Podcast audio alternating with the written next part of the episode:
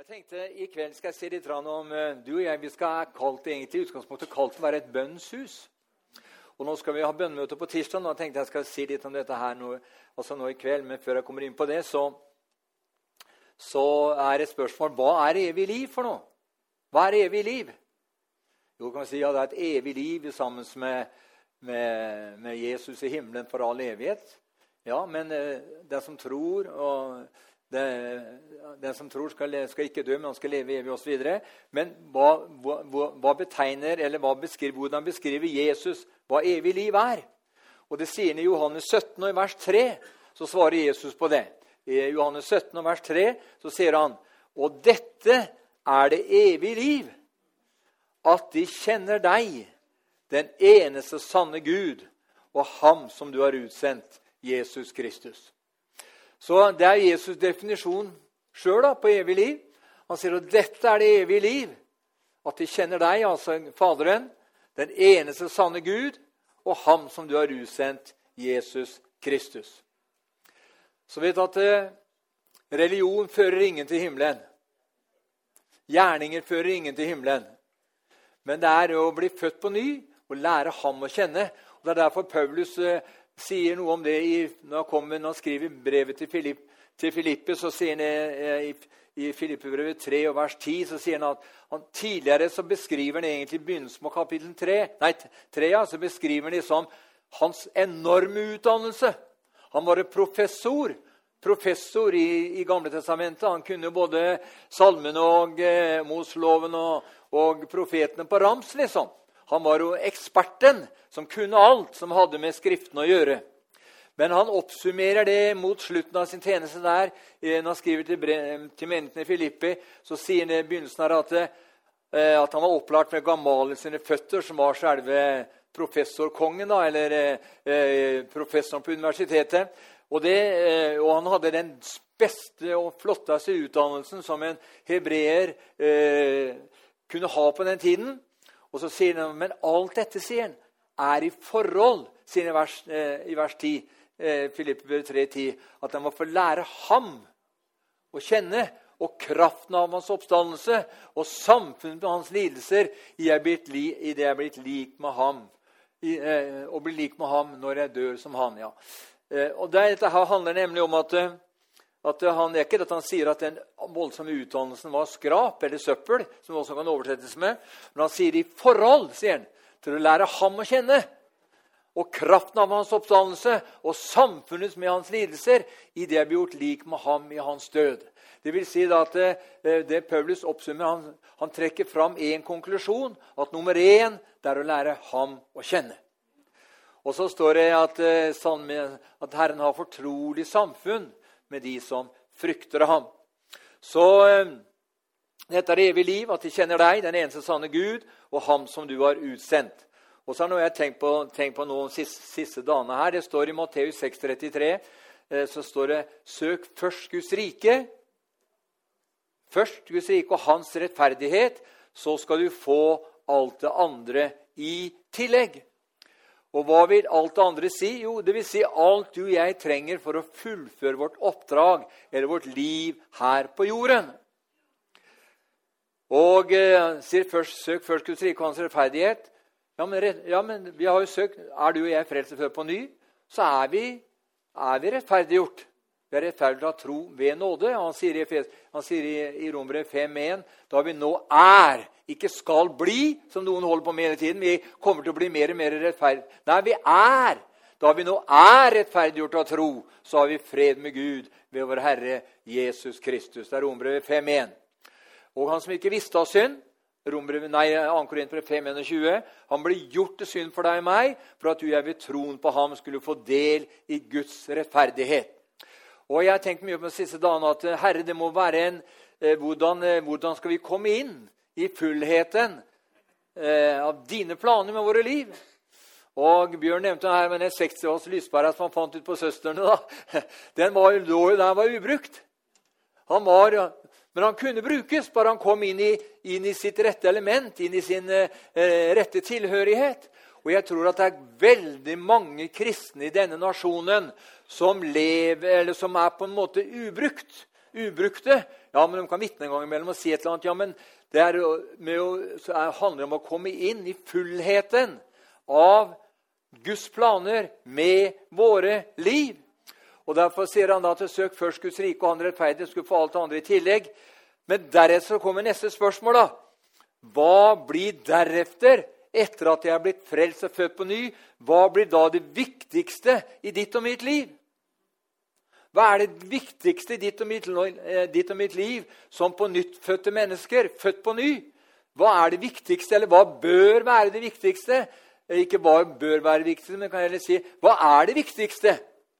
Eh, og svaret er at du og jeg kommer inn i Guds plan og våre liv. Det må være det viktigste i vårt liv her på jorden, at du og jeg kommer inn i Guds plan med våre liv. Og Jeg har tenkt litt mer på både det i, i, i går i dag, at uh, dette er at det å komme inn i Guds vilje med våre liv Så har jeg stilt meg det spørsmålet Spurte jeg Gud om dette når jeg kom til tro? Gud, Jesus, når jeg er frelst blitt født på ny, hva er nå din plan med mitt liv? Eller lot jeg det religiøse systemet være med å forme og danne meg etter hvert som ut ifra hvilken tilhørighet man hadde å komme inn i? Men som jeg allerede har sagt, det viktigste spørsmålet i våre liv det er at jeg, du og jeg må komme inn i fullheten av Guds plan med våre liv. Og så stilte jeg meg spørsmålet spurte vi Gud om dette. Spurte jeg Gud om dette? Og Jeg har gått gjennom litt uh, for min egen del i dag og tenkt litt på det at Arne, spurte du Gud om det?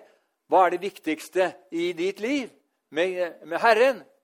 Nei, jeg kan ikke si, kanskje ikke jeg var så oppmerksom på det, og kanskje ikke så klar over det. Kanskje man heller ikke fikk noe undervisning om det. For i stort sett i mange menighetssammenhenger, i hvert fall de jeg var i tidligere, så handla det om møter. Det handla om å komme på møtene, det handla om å høre om, hørte om Josef, og det var å høre om Daniel, og, og det var å høre om, eh, om David som slo Goliat og alt dette her. Og det er jo vel og bra alt sammen, men uten åpenbaring så vi, blir vi tøysløse. Uten åpenbaring og uten forståelse så blir vi kraftsløse også. Men vi kan være med å holde lange møter og alt mulig. Men hvis vi ikke får tak i hva Guds ord sier, hvis vi ikke får tak i hva som er meningen med livet for deg og meg etter at du og jeg kom til tro, så blir vi på en måte mer eller mindre kasteballer i et religiøst system. Og Derfor at, eh, stilte jeg meg det spørsmålet, spurte du Gud, Arne, om dette spørsmålet? Og så kom da neste spørsmål. Er det for sent å spørre om det nå? Er det for sent for deg og meg å spørre om eh, Guds plan for resten av våre liv i dag? Det er ikke det. Vi må huske på at Moses venner, han kom inn i fullheten av sin tjeneste han var 80 år. Så det er ingen begrensning i alder. Det er ingen begrensning i utvelgelse. At nå er tiden inne for at Gud vil at du og jeg skal komme inn i fullheten av hans planer med våre liv. For Herren kommer snart og han har sin lønn med seg, for å gi enhver etter som hans gjerning er. Det vil si, i den grad av lydighet til de ferdiglagte gjerningene, så vil Gud belønne oss. Og Derfor er det viktigere noen gang, og særlig nå eh, i, i begynnelsen på 2023 nå, at vi, For jeg tror ganske mange av oss kristne ikke vet helt riktig hva som er fullheten av Guds plan med våre liv. Men Gud vil gi, gi oss åpenbaring på det, så vi kommer inn i den dimensjonen, så vi kommer inn i fullheten av Guds plan med våre liv. Så vi kan si som profeten Esaias, han ble kalt her i kapittel 6 Han fikk, fikk, et møte med ilden fra alteret, og han hørte røsten si, 'Hvem kan jeg sende, og hvem vil gå?' Da svarte Esaias, 'Herre, her er jeg, send meg.' Og du skjønner, Det er noe av den der dimensjonen der som Gud vil ha iblant sitt folk i dag. Han sier til deg her i kveld altså, vil, eller, eh, han, eh, han, vil berøre deg og meg ved sin ånd. Og så, kan du, jeg, så, så sier han spørsmål vil, eh, Er det noen som er villig til å gå? Og da er ditt og mitt svar, venner, ja, Herre, her er jeg. Send meg. Og Det betyr ikke at alle skal reise ut på misjonsmarken, det betyr ikke at alle skal stå på torvet og evangelisere, men det betyr ganske enkelt at Gud vil at vi og hver, hver og en av oss skal komme inn i fullheten av Guds plan med våre liv. Som Bjørn sa, han ba hver morgen sånn at, han måtte få lov til å være til velsignelse i løpet av dagen. Og kanskje han møtte én, to eller tre i løpet av den dagen som han kanskje fikk lov til å være til en oppmuntring for. Og Hvis det er Bjørns tjeneste nå, så er, er jo han inne i fullheten av sin plan med sitt liv, selv om han er snart 75 år. Alder betyr nemlig ingenting.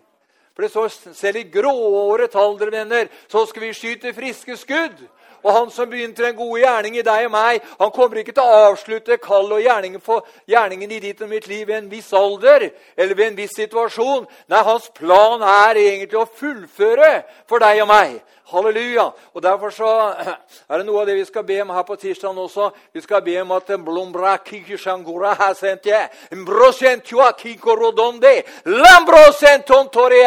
Nå er vi trøtte på å være trøtte på at det ikke skjer noe. Nå er jeg trøtt på å være trøtt på at det ikke skjer noe! Og hvorfor gjør det ikke det? Nei, for vi er ikke inne i Guds plan med våre liv. Men vi må være med om å stride for en gode strid. skjønner du. Og den gode strid den backer Herren opp ved Den hellige ånd. Det er derfor det er viktigere enn noen gang at vi kommer inn i denne rette forståelsen. Herre, her er jeg. Hva kan du bruke meg til om jeg lever fem år til eller ti år til? Eller om jeg lever til du kommer igjen, Herre, så ønsker jeg av hele mitt hjerte å komme inn i din plan med mitt liv. Det er ikke naboen som skal sette dagsorden i ditt liv. Det er ikke mora og faren din som skal sette dagsorden i ditt liv. Det er ikke dine brødre og søstre som skal sette dagsorden i ditt liv. Men det er Jesus Kristus som skal sette dagsorden i ditt og mitt liv. Amen. Halleluja. Priset være Herrens navn. For du skjønner, hadde alt det, all den møtevirksomheten som vi har holdt på med de siste 50 åra, hadde det vært Guds kraft og salvelse der, så hadde hele Norge blitt berørt allerede.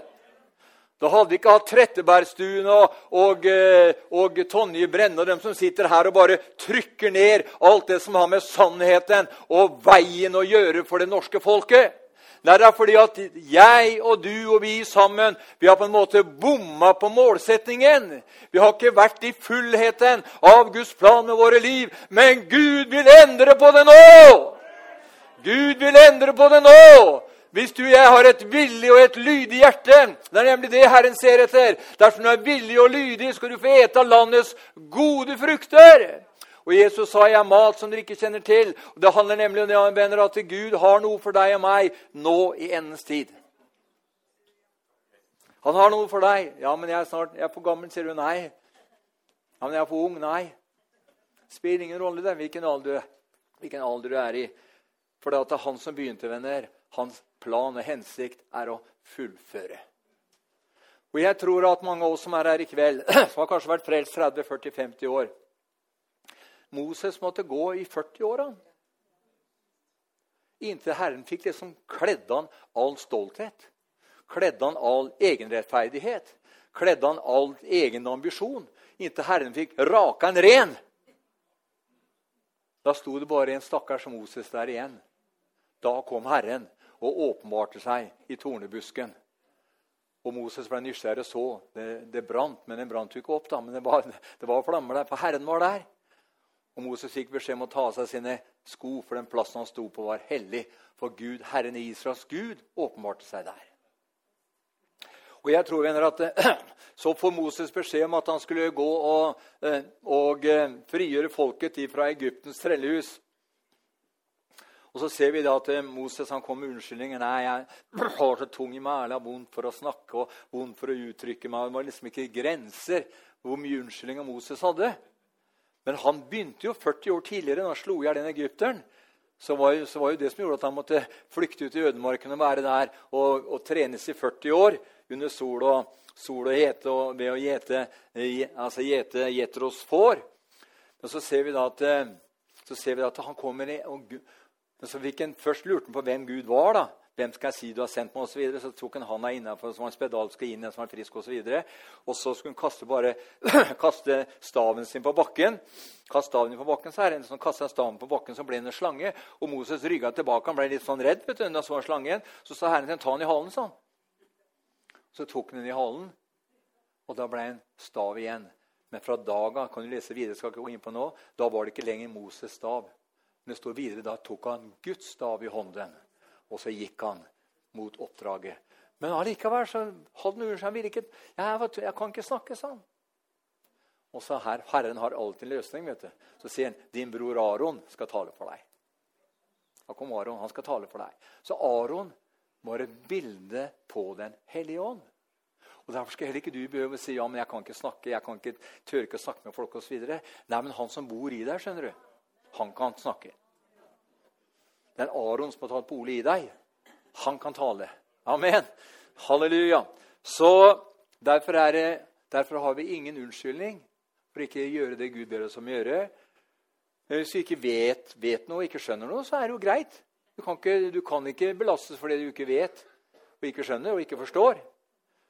Men dersom eh, du kjenner Guds vilje Og det står noe om at eh, min tjener som kjenner min vilje og trekker seg unna I ham har jeg ikke behag lenger, står det.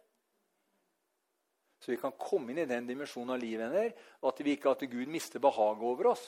Hvis vi vet Guds vilje og ikke gjør det, sier nei, nei, nei hver gang. Nei, men Nå er tiden inne. Jesus kommer snart igjen. Men hver og en av oss har Gud en mektig plan for nå før han kommer igjen. Sammen skal vi seire, og sammen skal vi få se det bryter igjennom som vann bryter igjennom. Halleluja. Så spørsmålet videre er er det for sent å spørre Herren om det nå? Nei, det er ikke for seint. Nå er tiden inne til å komme inn i fullheten av Guds plan.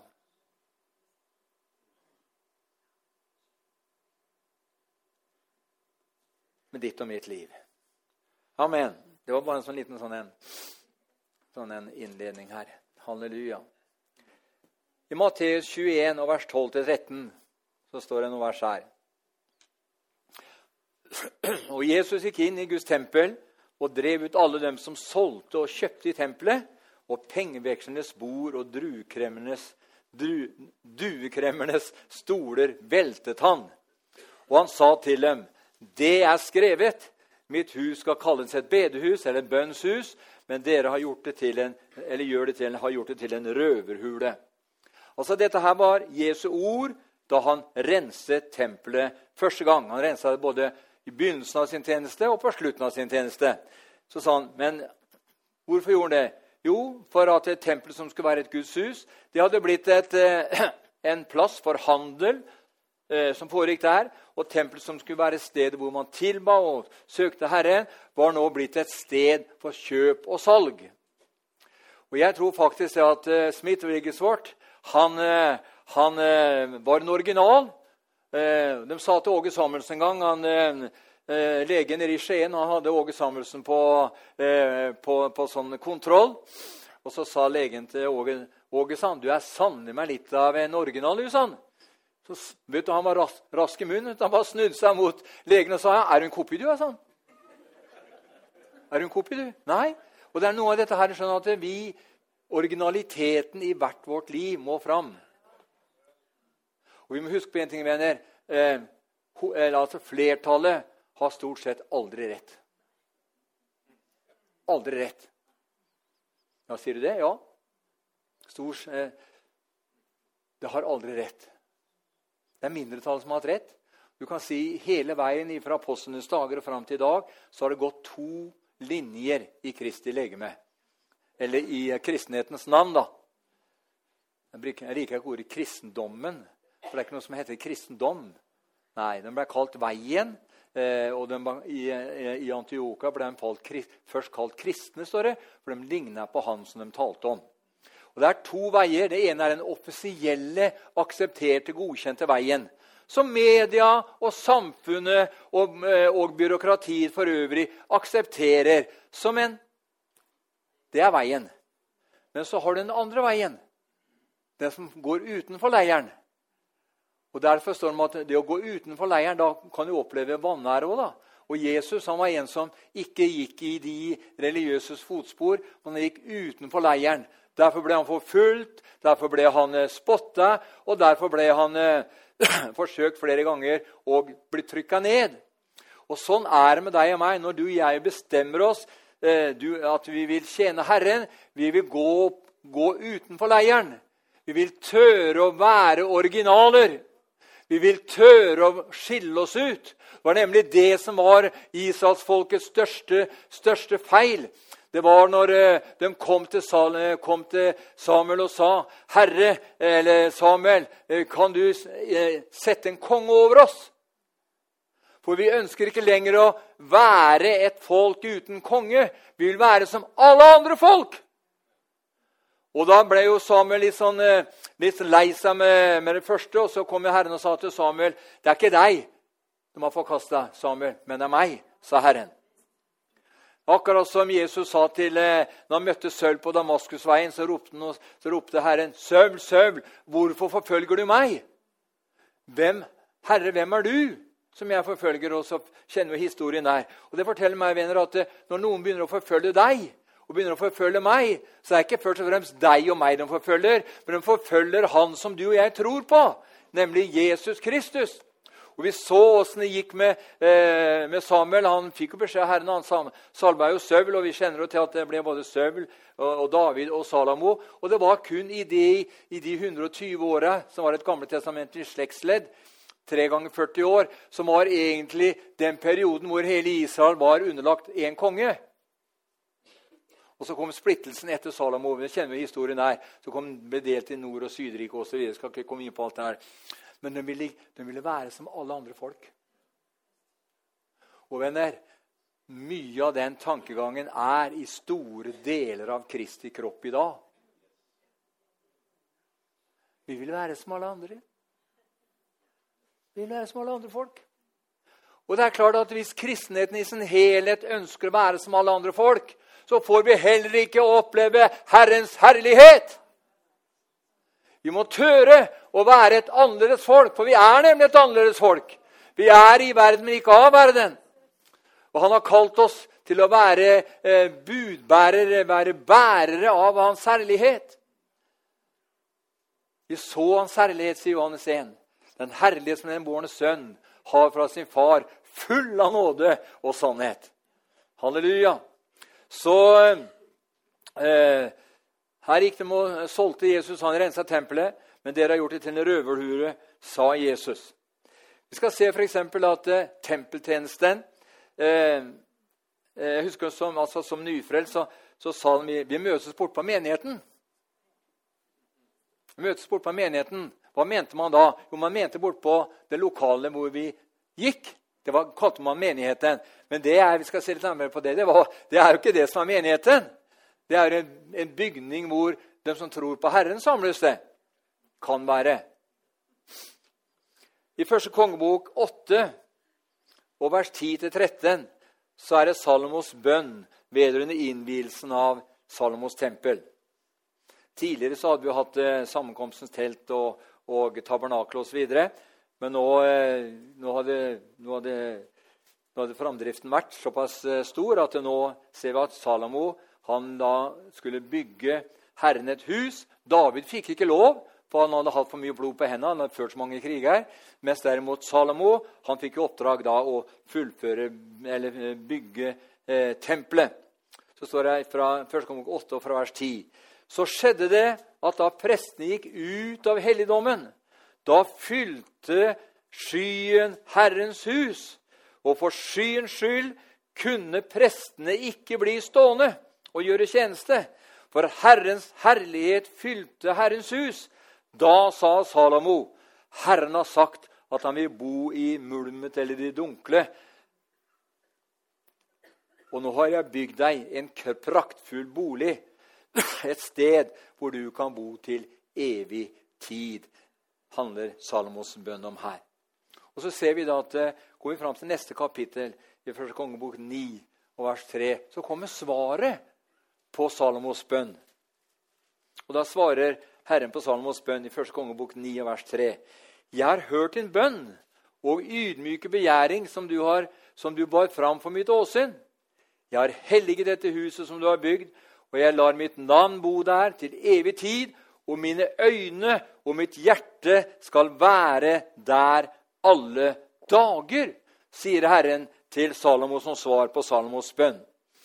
Vi vet venner, at tempelet, altså det fysiske tempelet, som eh, Hvis vi skal sammenligne det, så er det liksom dagens, eh, dagens eh, kirker og bedehus osv. Tempelet er det stedet der de troende kan komme sammen for å tilbe og prise Herren. Men det som er viktig å forstå, er at Gud venner ikke lenger bor i hus som er gjort av menneskehender, men i ethvert menneskes hjerte som tror. Og Derfor sier han det så, så klart og tydelig her i, eh, i Apostelgjerne 7. Når, eh, når, eh, Lukas beskriver det her i Apostelgjerne 7, og fra vers 47 til 48, så, så, så sier Apostelgjerne 7, 48 her Men Salomo bygde ham et hus, men den høyeste bor ikke i hus som er gjort med hender, som profeten sier. Og Så kan vi ta et vers til fra Apostelgjerne 17 eh, og eh, vers 24. Så står det her at eh, Gud, han som skapte verden og alt som er i den, han som er herre over himmel og jord, han bor ikke lenger i templer, eller han bor ikke i templer som er bygd med hender. Ja, men Skal vi ikke ha et flott lokale å samles i? Jo, det er fint, det. Men uh, uansett hvor flott og fint det er, så er det ikke det som gjør at Herren kan åpenbare sin herlighet her. Men det er at uh, uh, Herren åpenbarer sin herlighet i et hvilket som helst hus. Om det er bare en gammel låvebygning, og det kommer folket sammen der og priser Herren og løfter opp hans navn og tilber Han som er alfa og omega, Han som er veien, sannheten og livet, og lovsynger ham ifra dypet av sitt hjerte, så vil Herren man manifestere sin herlighet midt i en nedlagt låvebygning. For da Gud bor nemlig ikke i hus som er gjort med hender. Eh, for han sier det også videre i 1. kongebok 8, og vers 27-30, hvor han sier at eh, også, Men bor Gud virkelig på jorden? Se himmelen og himmelers himmel kan ikke romme deg, langt mindre dette huset som jeg har bygd. Vend deg mot din tjeners bønn og hans rop om nåde. Herre min Gud, hør det ropen og bønn som din tjener bærer fram for deg i dag. Og Jeg har jo allerede lest hva Gud svarte da, ut ifra eh, 1. kongebok 9 vers 3. La dine øyne våke over dette huset dag og natt, over det stedet der du har lovet at ditt navn skal bo. Hør de bønnene som din tjener bærer fram. Vent mot dette stedet. Ja, hør bønnen om nåde som din tjener og ditt folk i Israel ber. Vent mot dette stedet. Hør dem i himmelen der du bor. Hør og tilgi. Vi vet venner, at et kirkelokale eller et, en kirkebygning eller et forsamlingslokale kan ikke romme Gud. Ja, kan ikke det? Nei, ikke en bygning. Jesaja 66 vers 1 sier himmelen er min trone. Himmelen er min trone, og jorden er, fo er min fotskammel. Hva slags hus kan dere bygge for meg, sier Herren, eller hvor er stedet der jeg kan hvile? Når Jesus sa det i min når Jesu ord eh, eh, i, eh, hvor han sier at, eh, om at min fars hus er et bønns hus, så er det faktisk et fremdeles et sterkt rop, venner, inn i vår tid. Min fars hus er et bønnshus. Og det er deg og meg. skjønner du. Det er et sterkt rop inn i vår tid i dag, men ropet gjelder ikke lenger templer bygd med menneskehender.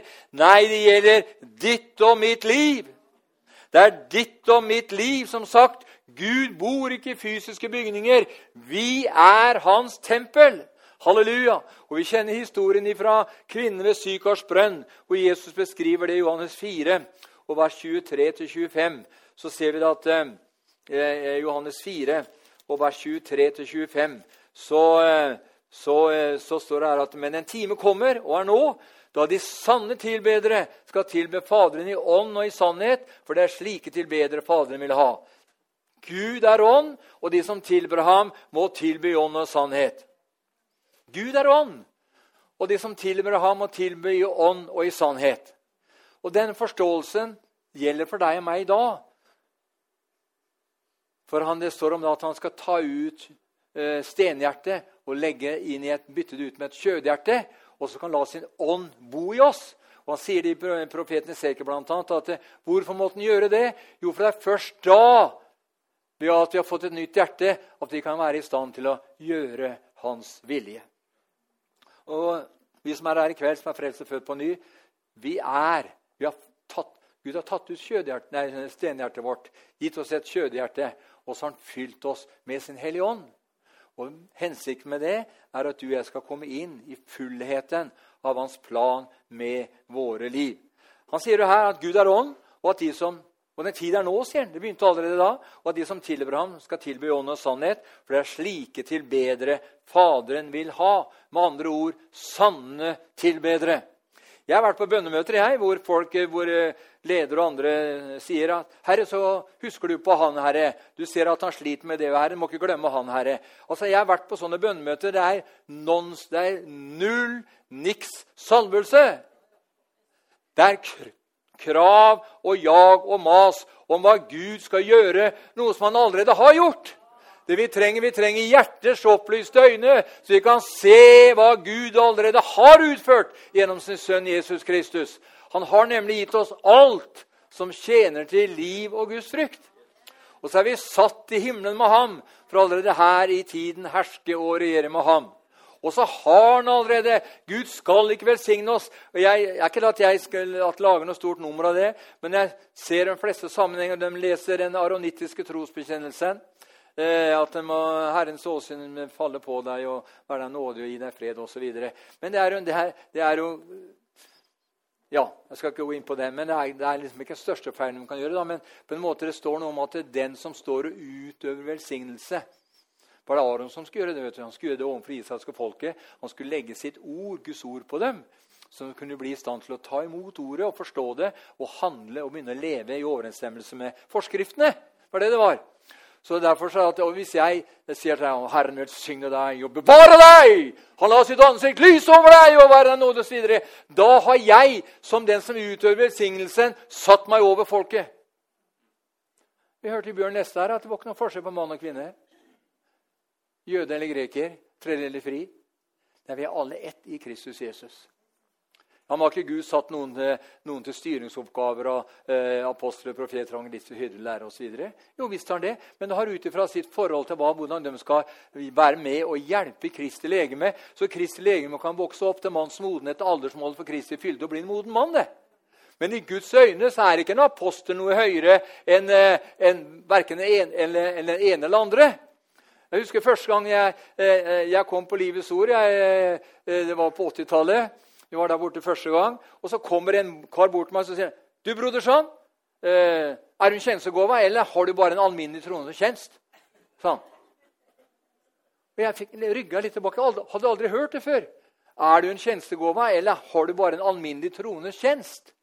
Altså Det var på en måte at man trøkka den troende tjenest ned. Men virkeligheten er, venner, at eh, den som er født av Gud, han, seier, og det som er født av Gud, seier over denne verden. Og hver for oss sammen så utgjør vi Kristi legeme, og vi er lemmer på et legeme som kalles Kristi legeme. Og vi har forskjellige oppgaver, men hver oppgave er like viktig. Og Det er derfor det er viktig å forstå det, at vi tilhører ikke lenger oss selv, men vi tilhører Han som døde og oppstod igjen for oss alle. Så, så eh, at uh, Gud er ånd, og den som tilber ham, må tilby ånd og i sannhet. Halleluja. Og Jeg tror på en, tror på en, en, en dimensjon av et mye klarere lys nå, i, fra nå 90, 93 og framover til Jesus kommer igjen, enn vi har hatt i de tidligere siste 100 åra. For lyset skal jo bli klarere, skal det ikke det? eller? Mørket skal bli mørkere òg. Og det er ganske mørkt der ute i dag, altså. Det er ganske mørkt. Det var En som skrev en rapport som jeg leste her om dagen, han skrev at hele verden tror at jeg for, vil sende våpen til Ukraina. Sånn. Det er propagandaen vi hører her hjemme i Norge.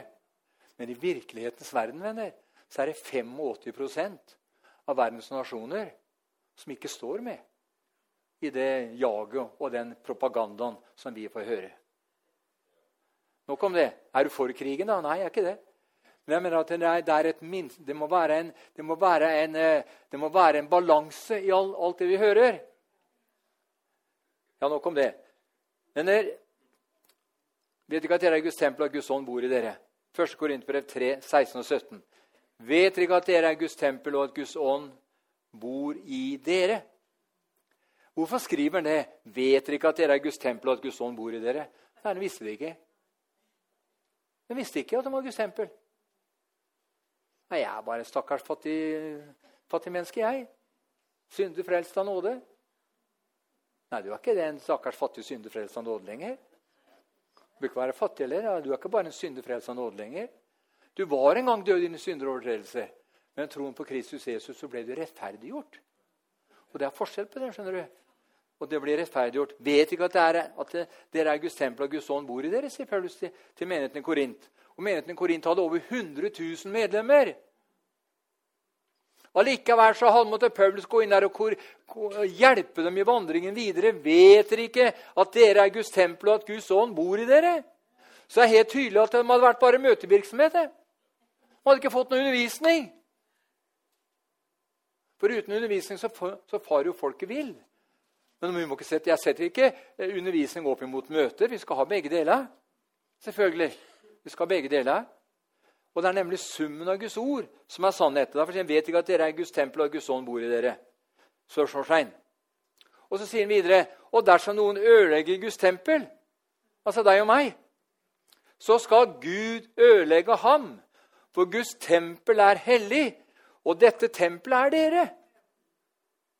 Her ser vi venner, at Guds beskyttelse er over de som har gjort sitt hus til et bønnshus.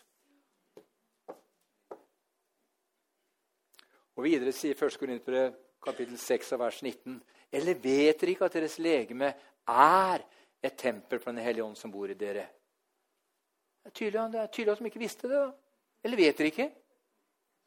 Har de ikke forstått, tatt imot henne? Har de ikke, opp, har de ikke forstått henne, sier. Eller vet dere ikke at deres, eh, at deres legeme er et tempel for Den hellige ånd som bor i dere? Og som dere har fått av Gud. Dere tilhører ikke lenger dere selv. Og vers 20 sier, dere er dyrt kjøpt. La da legemet være til ære for Gud, sier han. Han sier at det er dyrt kjøpt. Eller vet dere ikke at deres legeme er et tempel for Den hellige ånd som bor i dere? Som dere har fått av Gud. Og sier dere tilhører ikke lenger dere selv. Nei, men vi tilhører en annen, da. Ja, Det er noe jeg holdt, holdt på med nå og, trykka på et par års tid. Jeg tilhører ikke lenger meg selv. Jeg må, jeg må bli klar over det. At jeg ikke lenger tilhører meg selv. Ja, men det er tid for selvrealisering, var en som sa til meg dag. Det er ikke noe tid for selvrealis selvrealisering overhodet. Det er tid for å lære ham å kjenne.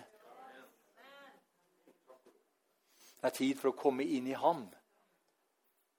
Paulus snakker om at det som betyr noe, er å bli funnet i ham. sier han.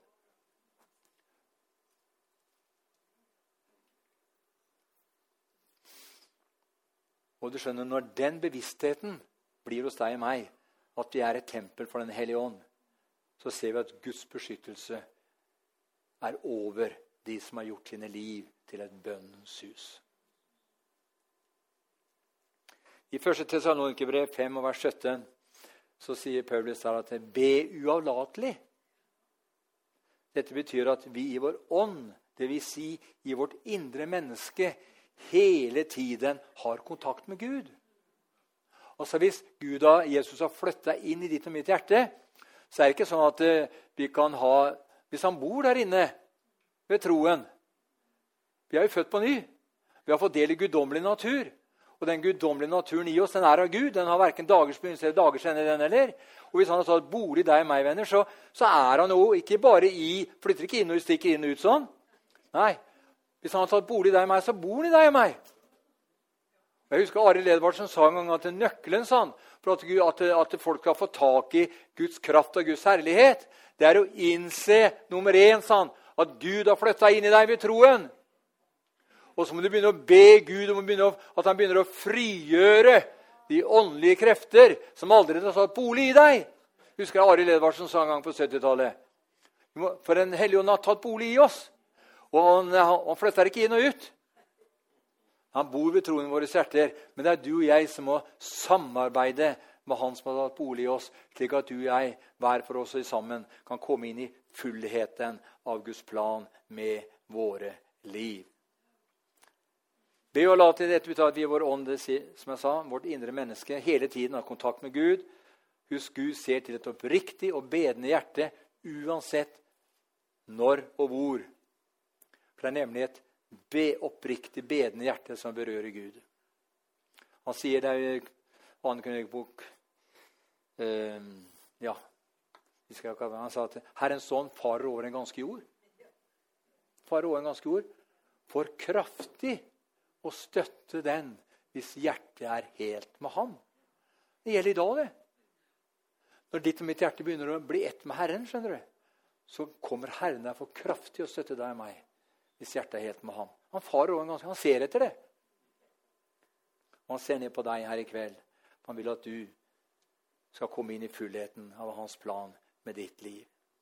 Jakob 4 vers 8 sier, 'Hold deg nær til Gud', eller Herren, så skal han holde seg nær til deg. Hvem er det som tar initiativet her? Er det Herren? Nei, det er du og jeg. Det er du og jeg som må holde oss nær til Gud. Så vil han holde seg nær til oss. Akkurat som en som sang at jeg ber Gud at han må ydmyke meg. Sånn. Gud kommer aldri til å ydmyke deg ydmyker ingen. da.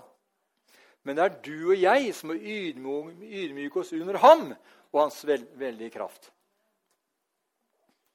Det er du og jeg som gjør det. Ja, Må du og jeg gjøre det? Ja, det er du og jeg som gjør det. Og Det er klart det var sånn det var med Moses òg, etter 40 år i jødemarken der. Og Gud kalte den. Da var den gamle Moses død. Men da fra dag av så kunne han se og være en bærer av den overnaturlige dimensjonen i tegn, under og mirakler. Vi ser når han for å, når han kom for å få løslatt folket, så ser vi da at han gjorde først noen sånne småunder. Og, og, eh, og farao tegnsutlegger var med et lite stykke på vei. Og så kasta jo Moses sin stav på, på, marken, og den ble til en slange. Men så kasta faraos tegnsutleggere sine staver og ble til småslanger, det òg. Men det står at Moses' slange eller Guds slange, den slukte dem alle. Den slukte dem, og Så ser vi så gikk, det, så gikk det videre oppover, og så ser vi så dette tegnsynsleggeren av. Vi kommer til å få se dager kommer til Herren sånn. Da kiparashatuana, da spiritister, da healere, da de forstår seg på henne som tror at de kan manipulere skapningen som jeg står, som er opphavet til, sier Herren. De skal bli gjort til skamme, alle sammen. For det kommer en dag, og den, er, og den er nå, sier Herren, at de som søker meg ifra dypet av sine hjerter, de skal få se at min hånd strekker seg ut til tegn, under, mirakler og mektige gjerninger. For det er nemlig jeg som begynte den gode gjerning i mitt folk. Jeg har ikke til hensikt å avslutte, men å fullføre for hver og en av dere, sier Herrens ånd. Derfor skal dere bare være riktig frimodige og feste blikket på meg. For det er nemlig jeg som er troens opphavsmann og fullender. Og jeg vil legge ord i din munn. Jeg vil deponere tanker ned i ditt hjerte som du kan være med å formidle videre. Og når du begynner å handle på det jeg deponerer i ditt hjerte, sier Herren sånn, så vil det skape forandringer. Det vil skape resultater der du går fram. For jeg har nemlig utvalgt deg fra før verdens grunnvoll ble lagt, for at du ikke skulle leve et liv for deg selv, men at du skulle gå ut i en døende verden og forkynne evangeliet om at jeg er veien, sannheten og livet. Og jeg gjør det på forskjellige områder og på forskjellige måter, sier Herren sånn. Men dersom du er villig og lydig, så skal du få erfare og få oppleve at tegn, under mirakler er rundt neste sving. Det er rundt neste sving. Halleluja! Det kan skje når du går ut døra her i kveld. Halleluja. Jeg har en lengsel etter å se Guds gjerninger. Jeg har en lengsel, Ja, men er, er det det viktigste, da? Var det ikke da at jødene krevde tegn, og ikke noe annet tegn som skulle vise dem enn Jonas sitt tegn? Og filosofene, Grekerne krevde jo liksom eh, filosofiske betraktninger på allting. Jeg vet at jødene krevde tegn, og at, at grekerne, filosofene, krevde liksom en balanse i det hele. Men du og jeg vi bør ikke tenke verken hvordan jødene krevde tegn, eller hvordan grekerne eh, krevde, krevde sine tegn. Men du og jeg vi kan bare feste blikket på ham som er troens opphavsmann og fullender. Så skal vi få se at Gud kommer til å gjøre noe nytt nå. Han kommer til å gjøre noe som vi ikke har sett før. Ja, men Det var så sterkt på 90-tallet, det var så sterkt på 80-tallet. Og du skulle vært med på 70-tallet, når Jesusvekkelsen brøt løs. Da var det så kraftig. Ja, men du skjønner den. Gårsdagen er forbi. Gårsdagen er forbi. 70-åra er forbi, 80-åra er forbi, 90-åra er forbi, 2000, eh, 0 til 2010 er forbi, 2010 til 2020 er forbi. Ja, til og med gårsdagen er forbi. Se, nå gjør jeg noe nytt, sier Herren.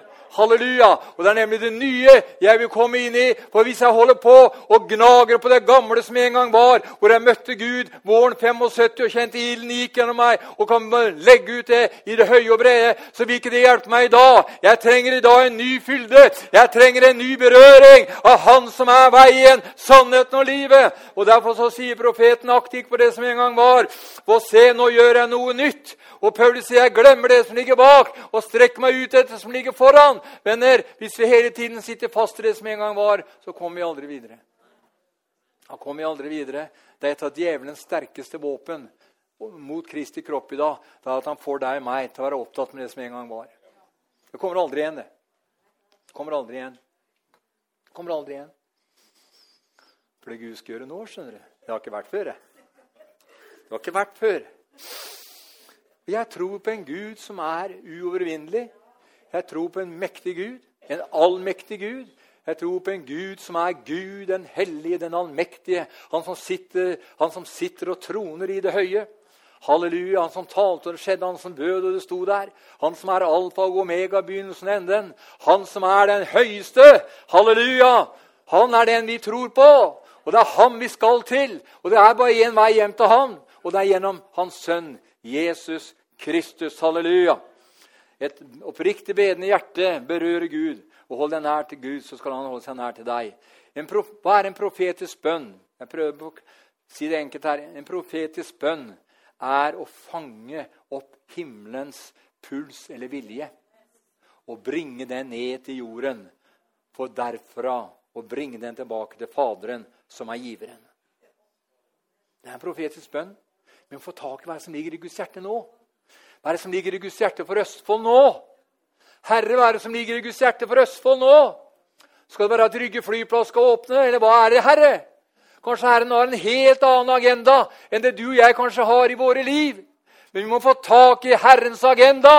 Halleluja! Og det er bare én vei å få tak i dem på. Det er at vi søker Hans åsyn. Og så erfarer vi og opplever det er ikke alt vi riktig vet på hvilken måte vi skal be.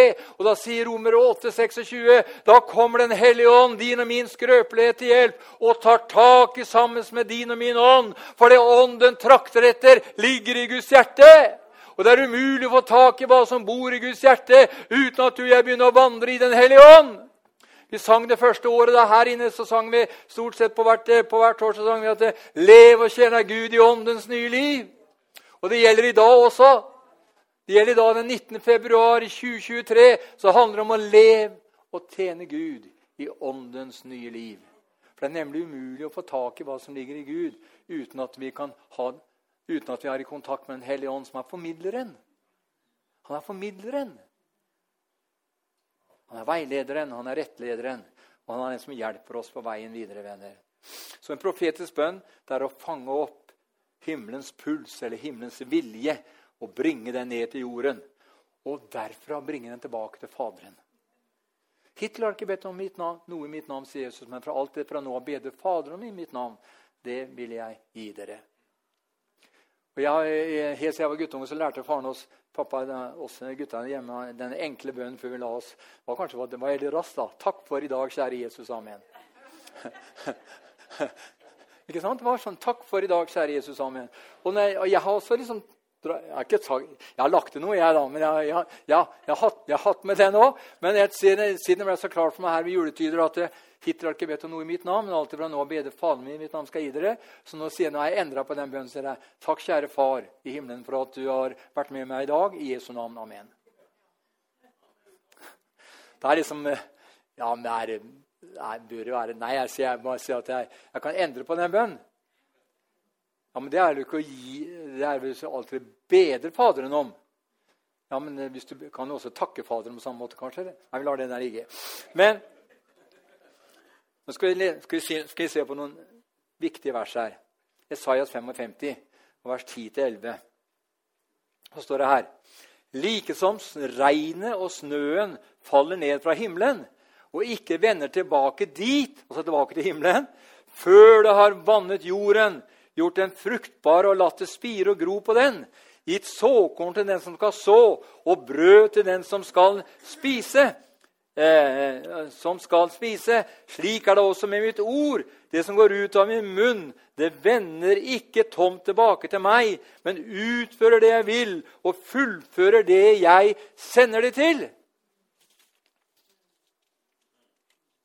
Og fullfører det jeg sender det til. Vi vet her at eh, Jesus var i det ordet, blant annet, som gikk ut fra Guds munn. La oss si at det var Jesus ble sendt ut fra himmelen. Og så vendte han tilbake når han hadde fullført frelsesverket. Men i Matteus 16, vers 19 så har vi disse kjente versene. Det du binder på jorden, er bundet i himmelen, og det du løser på jorden, er løst i himmelen.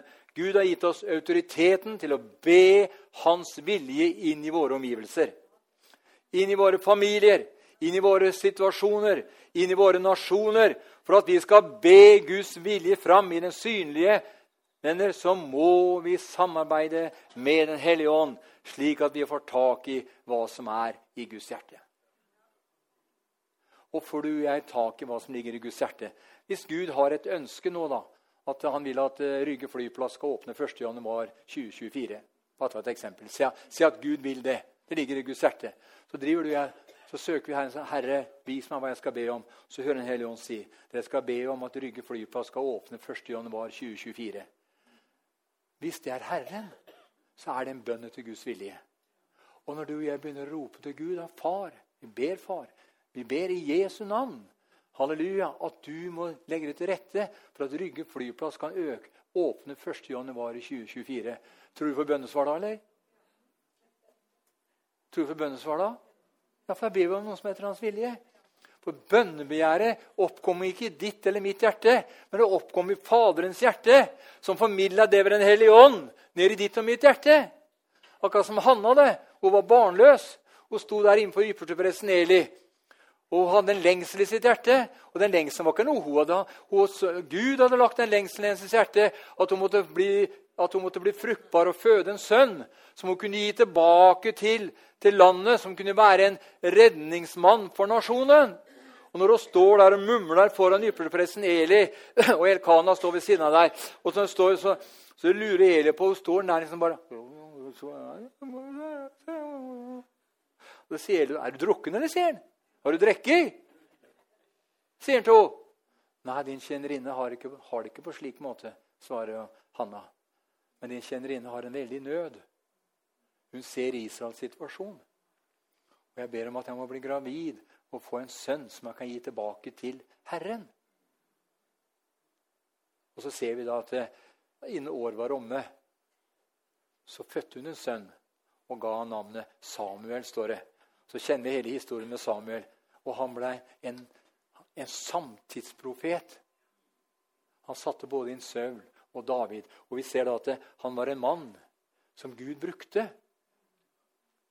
Som kunne rette opp skjevhetene i landet vårt.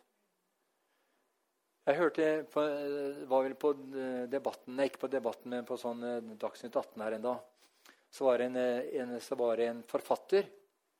Det handla om Kristiansand bispedømme, eller Stavanger bispedømme, var det vel, hvor de ville følge retningslinjer. De hadde jo to syn, da. Men deres grunnsyn var at ekteskap var mellom mann og kvinne. Eh, men de, eh, også her, han, der, han, han, han, han, forfatteren han mente at eh, de diskriminerte. For han sa kjærligheten er jo det største bud av alle.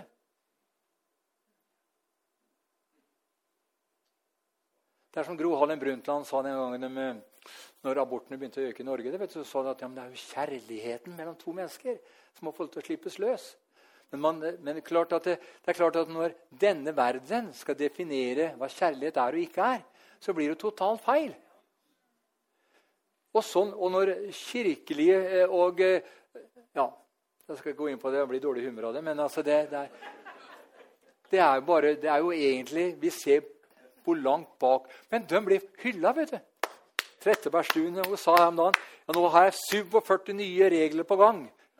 lovverk, endringer i lovverket som jeg ønsker å gjennomføre. Men vi sliter fortsatt med en del religiøse sammenhenger. så. Hørte du sa det? Vi sliter fortsatt med en del religiøse sammenhenger. Ja, men du og jeg er ikke religiøse, du og jeg. Er vi det? Nei. Vi er ikke muslimer eller hinduister eller buddhister eller, eller katolikker eller hva det måtte være. Nei, du jeg vi er frelst på ny. vi. Eller vi er frelst, frelst og født på ny. Renset i lammets dyrebare blod. Vi er kristne, vi. Derfor har de hele ordet 'kristendommen' nå. Det er jo et vanvittig Herren hater det ordet, han. Ja. ja, men vi skal alle inn for dommen. Nei, ikke du og jeg som har tatt på det. Så jeg har allerede dømt, vi. Jesus dømte synden gjennom sin sønn Jesus Kristus. Han. Derfor er det ingen fordømmelse som er i Kristus Jesus. For livets ånds lov har i Kristus Jesus frigjort deg meg fra synd og dødens lov. Så hvis vi ikke ser de enkle, grunnleggende sannhetene, så havner vi inn i gjerninger. Og når vi havner inn i gjerninger, så blir det gjerningenes lov. Helge prekte om det at eh, etter hvilken et, etter, etter gjerningen sånn, Nei, etter rettferdighetens lov. For hva sier rettferdigheten av tro? Ordet er deg nær i munnen og i ditt hjerte. Det er troens ord vi forkynner. Ja, Hvem skal stige ned da, i avgrunnen for å løfte ham opp? eller gå opp for å ta ham ned? Nei, Ingen behøver det. Han er allerede gitt deg og meg i det fullbrakte verket han tilveiebrakte, osv. Så, så venner Halleluja. Det du og jeg binder på jorden, er bundet i himmelen, og det du og jeg løser på jorden, er løst i himmelen. Gud har gitt oss autoritetens mat til å be Hans vilje inn i våre omgivelser, familier, situasjoner og nasjon eller nasjon for at vi skal be Guds vilje fram i det synlige, så må vi samarbeide med Den hellige ånd, som jeg nevnte her. Slik at vi får tak i hva som er i Guds hjerte. Og Det er noen sånne bønnemøter jeg ser fram til vi skal ha framover etter hvert som tiden går, og hvor det kommer til å bli åndelig krigføring. Oi! Skal vi drive med det? Ja. Ja visst skal vi det. Det er ingen seier uten strid. Ja, Men Jesus har vunnet seieren. Ja visst, han vant han, han altså triumferte, han. Men djevelen er ikke død. Han jobber i 24-7. Til dette ble Guds sønn åpenbart for å tilintetgjøre altså djevelens gjerninger. Han beseira ham på korset og ropte ut var fullbrakt. Alt er helt, eh, helt krystallklart. Men fortsatt så lever djevelen. Hvis det er noen som tror at han er ferdig, så eh, Nei. Han jobber 24-7, han òg. Og derfor må du og jeg være på alerten. Det vil si at vi må være i ånden, så vi til enhver tid blir i stand til å slukke alle fiendens brennende piler. Han sier i Åpenbaringen 4 og vers 1 så sier Johannes her Kom opp, nei, la oss si engelen, kom opp her, så skal jeg vise deg det som heretter skal skje. Venner, det lyder et rop fra himmelen i dag til alle som ber. Skift fokus. Skift fokus. Og istedenfor å be til meg, sier Herren, Be med meg. Du må be med Herren. Bare når jeg sier noe, så kjenner jeg går en sånn kraft gjennom meg. Altså. Vi må skifte fokus. Vi må be med ham. For han bor over troen i vårt hjerte, venner. Og det er han som virker i oss til å gjøre det gode velbehaget som er hans vilje. Derfor kan ikke naboen eller Per eller Pål eller eh, Kari eller Astrid holdt jeg på å si, sette dagsorden i mitt liv. Og heller ikke ditt liv. For du og jeg, vi er fri og ingen underlagt. Vi er underlagt én, vi. Herren Jesus Kristus. For vi lever jo ikke lenger selv. Men vi tilhører Han som døde og oppsto igjen for oss alle. Skitt fokus, venner, og istedenfor å be til meg, sier Herren, så be med meg. Bønner drevet av Den hellige ånd. Det er det det handler om. Bønner født av Gud, drevet av Den hellige ånd. I Amos kapittel 3 vers 7 så står det jeg minner, minner oss om at Gud gjør ingenting uten at han forteller det til sine venner eller til sine, eh, sine ja, kan også oversettes med andre ord der. da. Og skal vi ha bønn, venner, med gjennombruddskraft, så må vi sørge for at vi hører hva Ånden sier inn i enhver situasjon før vi begynner å be. Ellers kan vi like å gå på et uh, Røde Kors-møte. vet du og hører en siste nytt fra Midtøsten, holdt jeg på å si. Nei, men du skjønner, Vi må få tak i hva som ligger i Guds hjerte. Dette er den seier som er vunnet over verden, vår tro.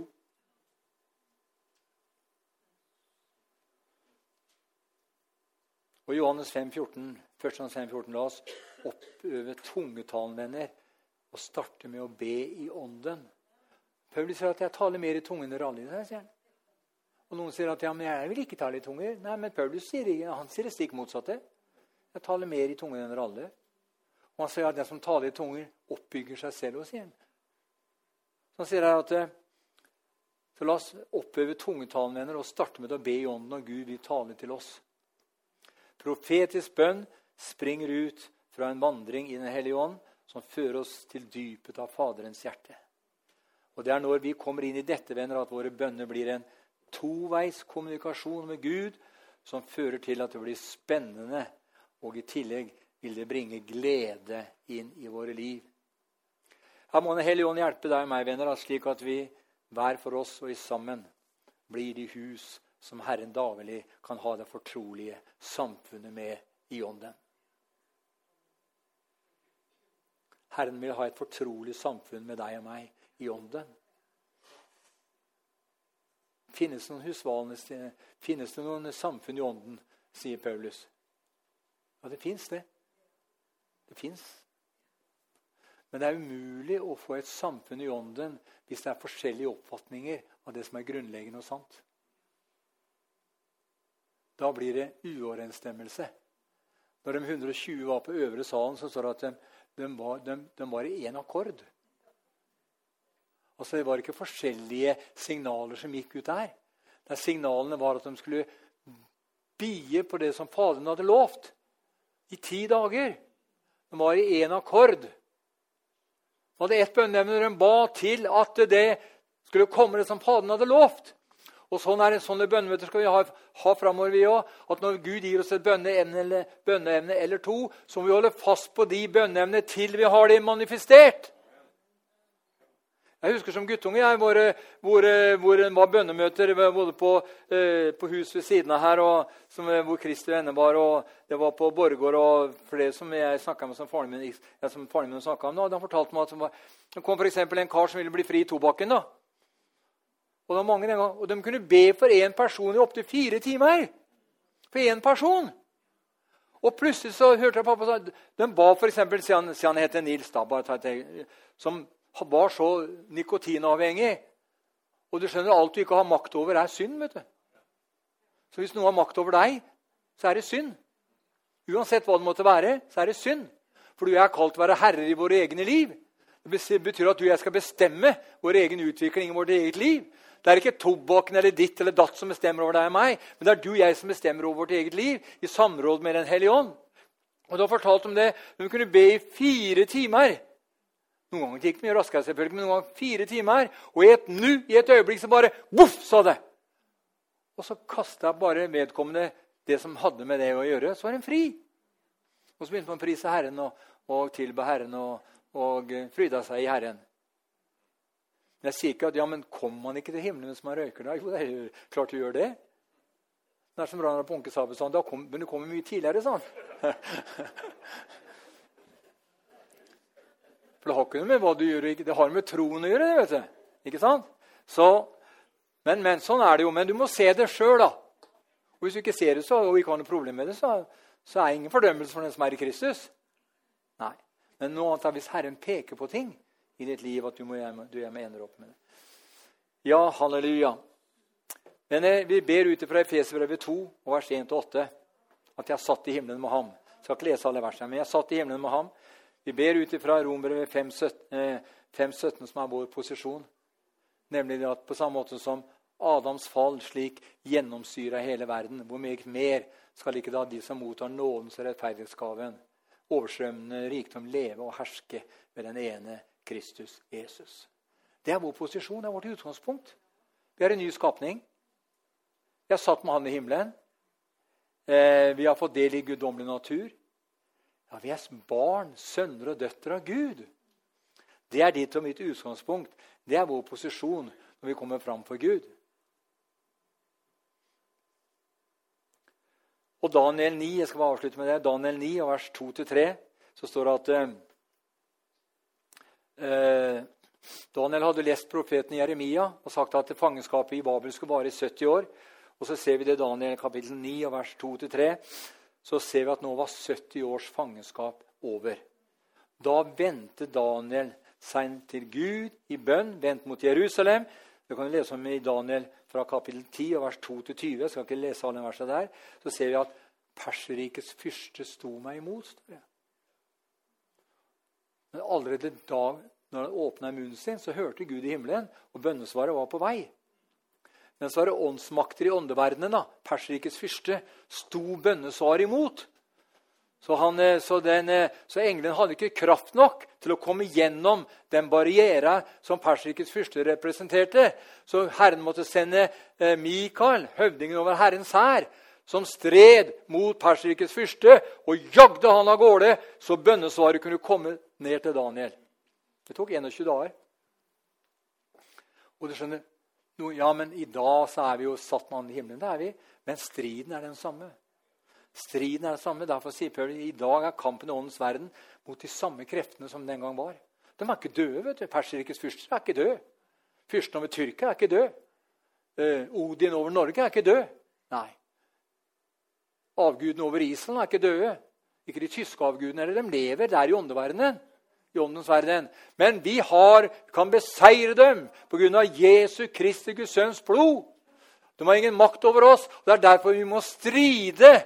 Halleluja, Vi må stride på en slik måte at det bryter gjennom som vann bryter gjennom. Og Derfor sier Paulus i Fesbrevet 6,12, som er altså kampbrevet Kampen er ikke mot kjøtt og blod, men mot ondskapens ånde her i himmelrommet. Og Derfor så hopper vi fram til vers 18. Be. Vi ber til enhver tid i ånden. Ber til enhver tid i ånden. Og bønn er faktisk vårt, vårt sterkeste våpen mot fristelser. Jesus sier i Matteus 26, 41, Våk og be om at dere ikke må komme i fristelse. Ånden er villig, mens menneskene og naturen er svak. Eller kjøttet er skrøpelig, kan også, også oversettes med. Så, venner, vi står foran gjennombrudd.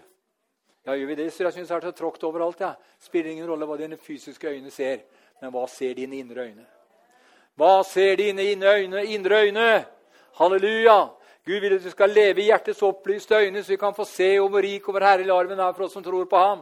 Og jeg ser i åndens verden, venner, et gjennombrudd i denne, i denne nasjonen. Jeg ser et gjennombrudd i Østfold fylke. Jeg ser et gjennombrudd i ditt liv. Og jeg ser at Herrens planer for ditt og mitt liv er mye, mye større enn det du og jeg kan fatte og begripe og forstå.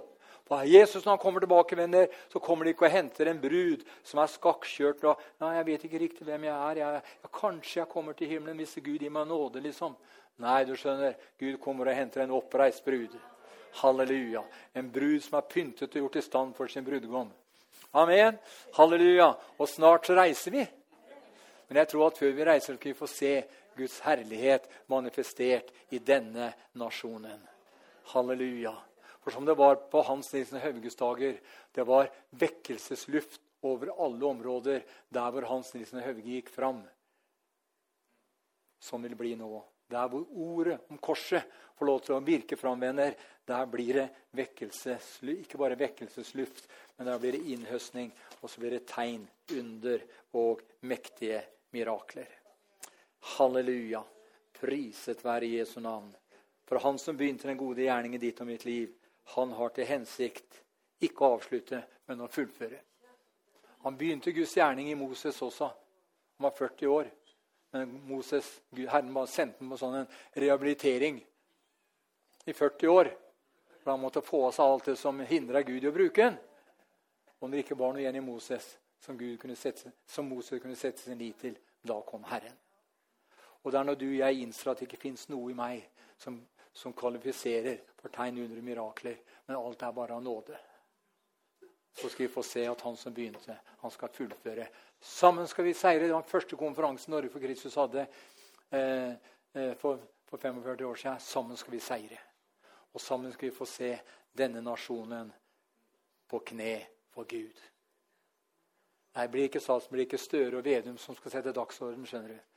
Det er ikke storting og regjering som skal sette dagsorden, men det er når Guds menighet reiser seg i majestetisk kraft og velde, at Guds menighet kan sette dagsorden i denne nasjonen. For faktisk er det sånn at Guds menighet er sannhetens grunnvoll og støtte. Men for at uh, menigheten skal bli sannhetens grunnvoll og støtte, så må menigheten stå for sannheten. Jesus sier at 'jeg er veien, jeg er sannheten og livet', og ingen kommer til Faderen foruten meg.